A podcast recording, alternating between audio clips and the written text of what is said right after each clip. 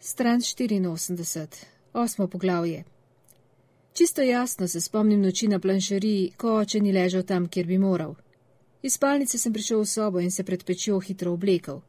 Še vedno je bila mlačna od večera, če sem se sklonil nad njo in poslušal sem noč okoli sebe, a slišal nisem ničesar razen lastnega dihanja, ki je bilo veliko prehitro in čudno hripavo in sopeče v sobi, ki je bila videti nepregledna in velika, čeprav sem natančno vedel, koliko korakov je bilo do sten. Prisilil sem se, da sem dihal mirneje, zrak sem vdihnil čisto do konca in ga čisto počasi spet izdihnil, medtem ko sem premišljal, da sem se imel do te noči v življenju kar dobro, nikoli nisem bil sam, ne v resnici. In čeprav očeta veliko krat dolgo ni bilo doma, sem to sprejemal z zaupanjem, ki ga je zdaj en julijski dan odpihnil. Bil je že daleč, ta pekoče zadošljivi dan, ko sem odprl vrata in odšel na dvorišče v svojih visokih škornjih. Tam je bilo prazno in skoraj hladno, ni pa bilo več temno, bila je poletna noč in nad mano so oblaki metali razpoke, ko so se z veliko hitrostjo valili čez nebo in bleda svetloba je utripajoče padala, tako da sem zlahka našel stezo k reki. Voda je zdaj zaradi obilnega dežja tekla hitreje, z močnejšim tokom po kamnih ob bregovih in zvijala se je in valovila in sijala kot staro srebro, oddalec sem jo lahko videl, in zvok toka je bil edini zvok, ki sem ga slišal. Čovna ni bilo na njegovem mestu, naredil sem nekaj korakov v vodo, obstal sem in poslušal, da bi slišal vesla, ampak okrog nog se mi je vlekla samo reka in niti na vzgor, niti na vzdol nisem videl ničesar. Skladovnici debel sta bili seveda še vedno tam in v vlažnem zraku sta močno dišali, in zviti borovec s prebitim križem je bil tam, in travniki na drugi strani so segali od rečnega brega do ceste, a samo oblaki na nebu so se premikali in svetloba, ki je migljala. Biti po noči zunaj sam je bil nenavaden občutek, skoraj kakor svetloba ali zvok skozi telo, kot mehka mesečina ali zvonjenje, voda, ki mi je drla okoli škornev in vse naokrog je bilo tako veliko in mirno, a nisem bil izgubljen počutil sem se izbranega. Zdaj sem bil čisto miren, bil sem središče. Tako je bilo brez dvoma zaradi reke, lahko bi se do brade potopil v vodo in mirno obsedel in čutil, kako tok tavče in vleče moje telo, in bi bil še vedno to, kar sem, še vedno središče. Obrnil sem se in se ozrl proti koči. Okna so bila temna. Nisem hotel nazaj noter, tam ni bilo nobenega žara, Obe sobi sta bili prazni in zapuščeni, z vlažnimi rjuhami in ugaslo pečjo in zagotovo hladnejši, kot je bilo zdaj tu zunaj, in v koči nisem imel kaj početi. Zato sem odbredel proti bregu in se odpravil. Najprej sem šel med svežimi štori do makadamske poti zadaj za najno zemljo, potem pa naprej po njej med drevesi proti jugu na mesto proti severu, kot sva hodila navadno. Tja, ker stoji most proti trgovini. In ni bilo težko najti, ker so oblaki izginili in noč je bila spet svetla, kot da bi bila vse povsod bela moka, kot filter, ki sem ga lahko jasno videl in ki sem ga mogoče lahko nadel, če sem hotel, potem pa tega vseeno nisem mogel. Ampak poskusil pa sem.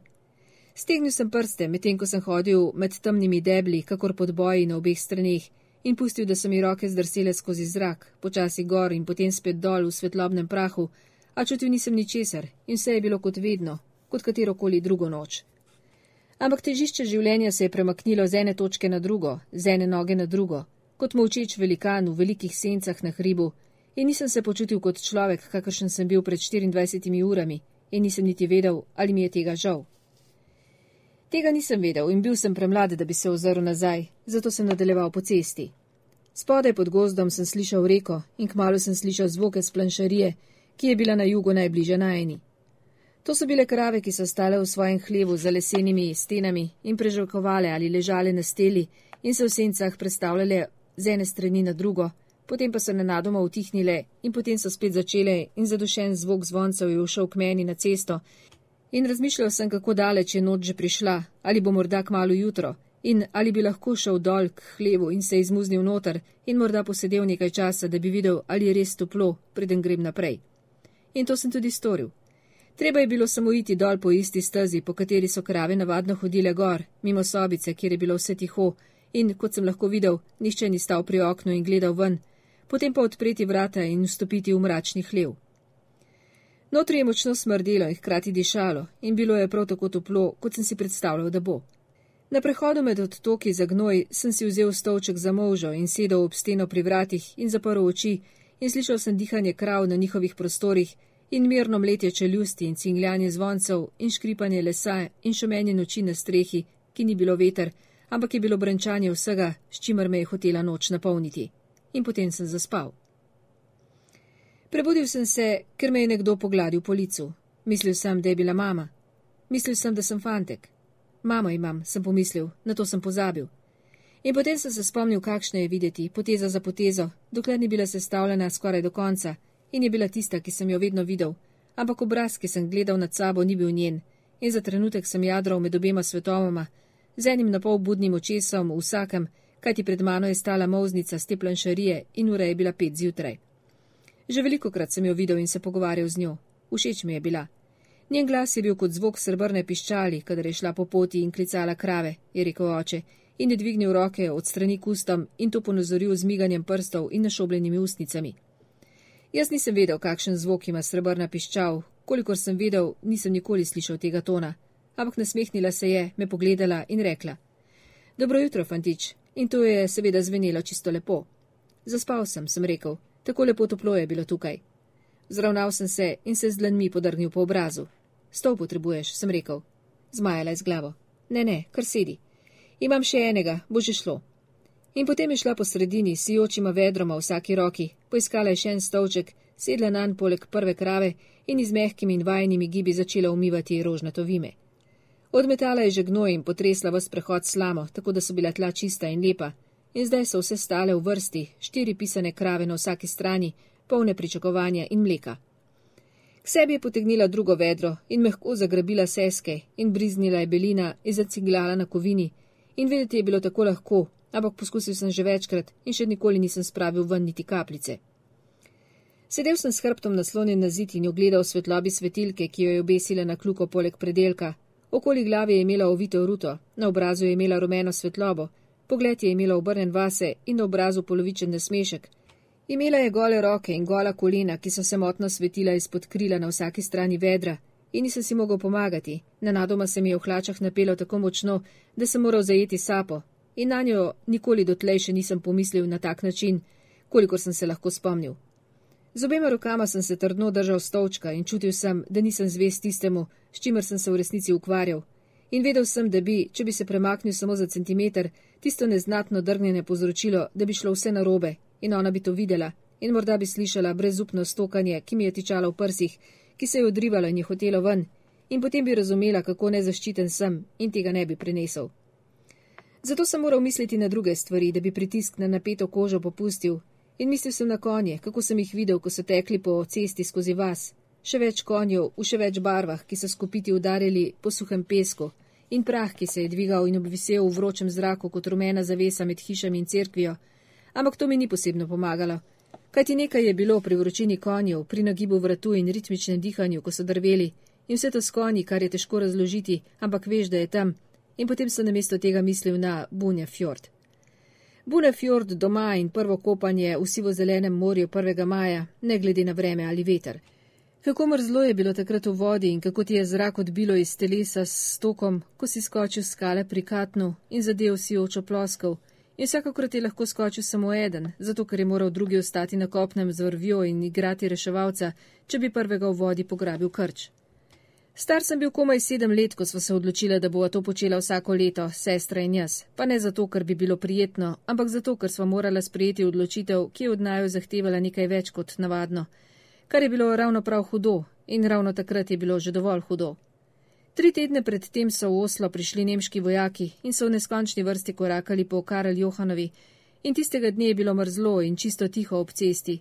Slišal se je samo uniformiran udarec vojaških škornjev, podoben zvoku biča, udaril med stebre univerzitetni avli, zadev je tamkajšnje zidove, se odbil spet ven kot odmev čez kamniti univerzitetni trg.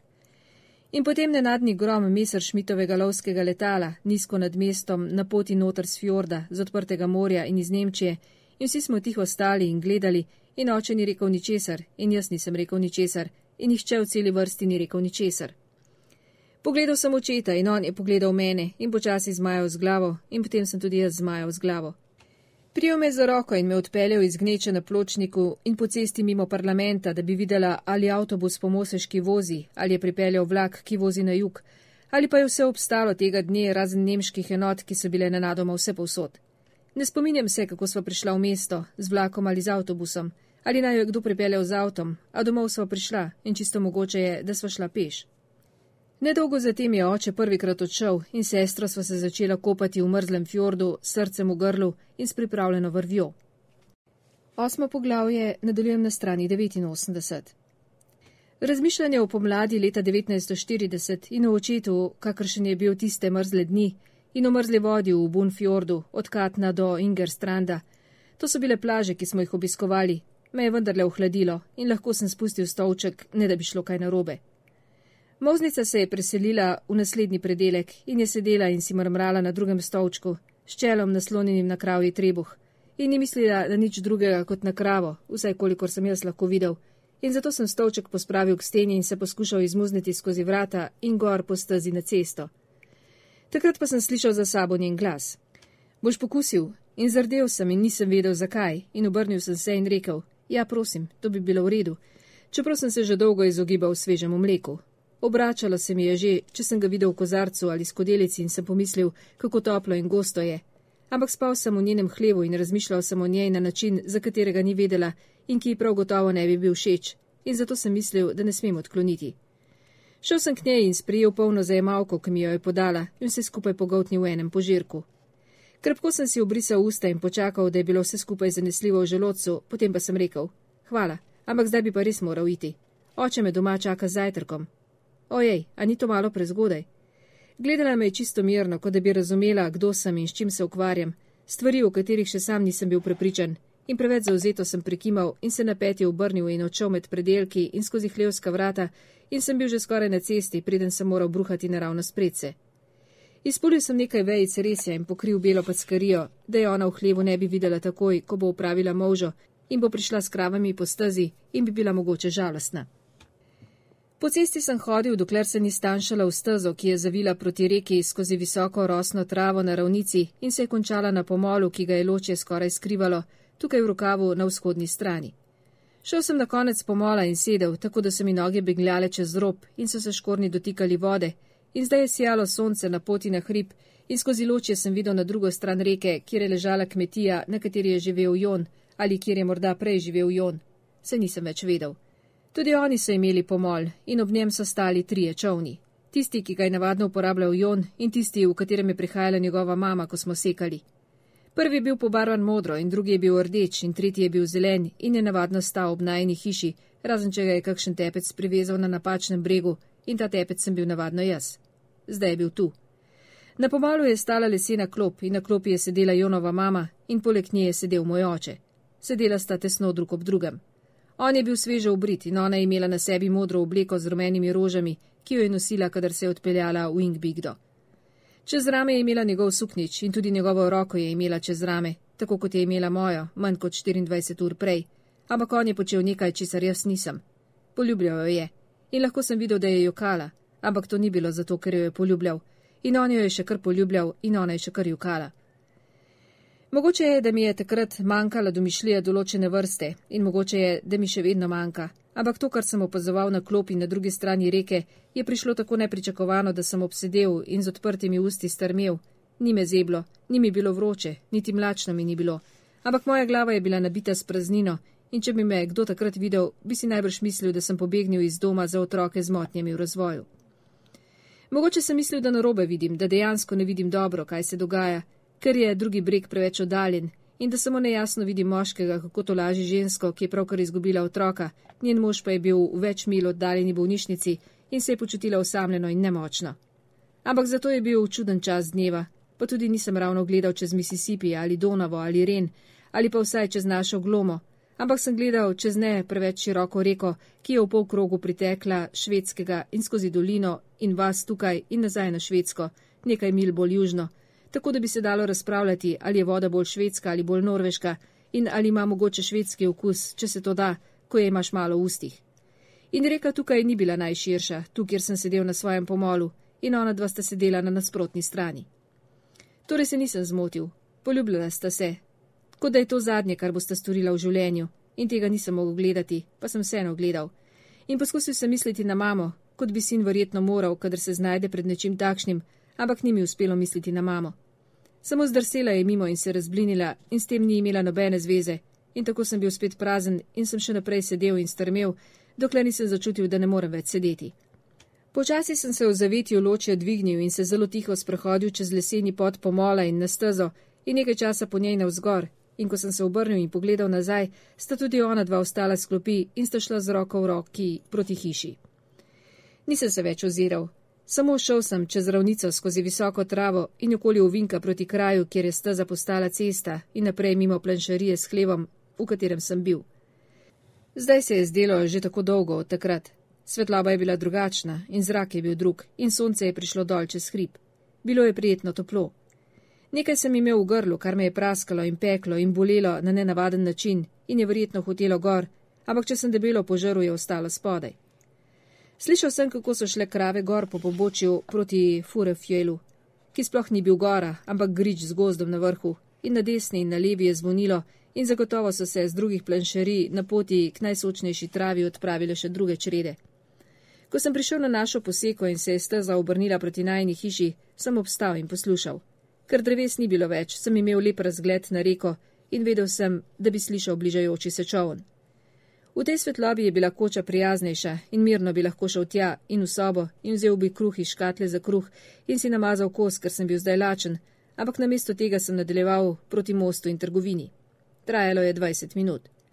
Tik pred mostom je stala Franceva hiša na skali nekaj metrov od reke. Z ceste sem lahko videl, da ima odprta vrata in da sonce sije na hodnik. Iz radja se je slišala glasba. Ne da bi razmišljal, sem šel po peščeni poti vse do stopnic in tri stopnice navzgor in zaklical skozi vrata. Halo, a se tukaj dobi zajtrk? Ja, halo, jasno, da se je, benti Boga, je prišel odgovor od znotraj.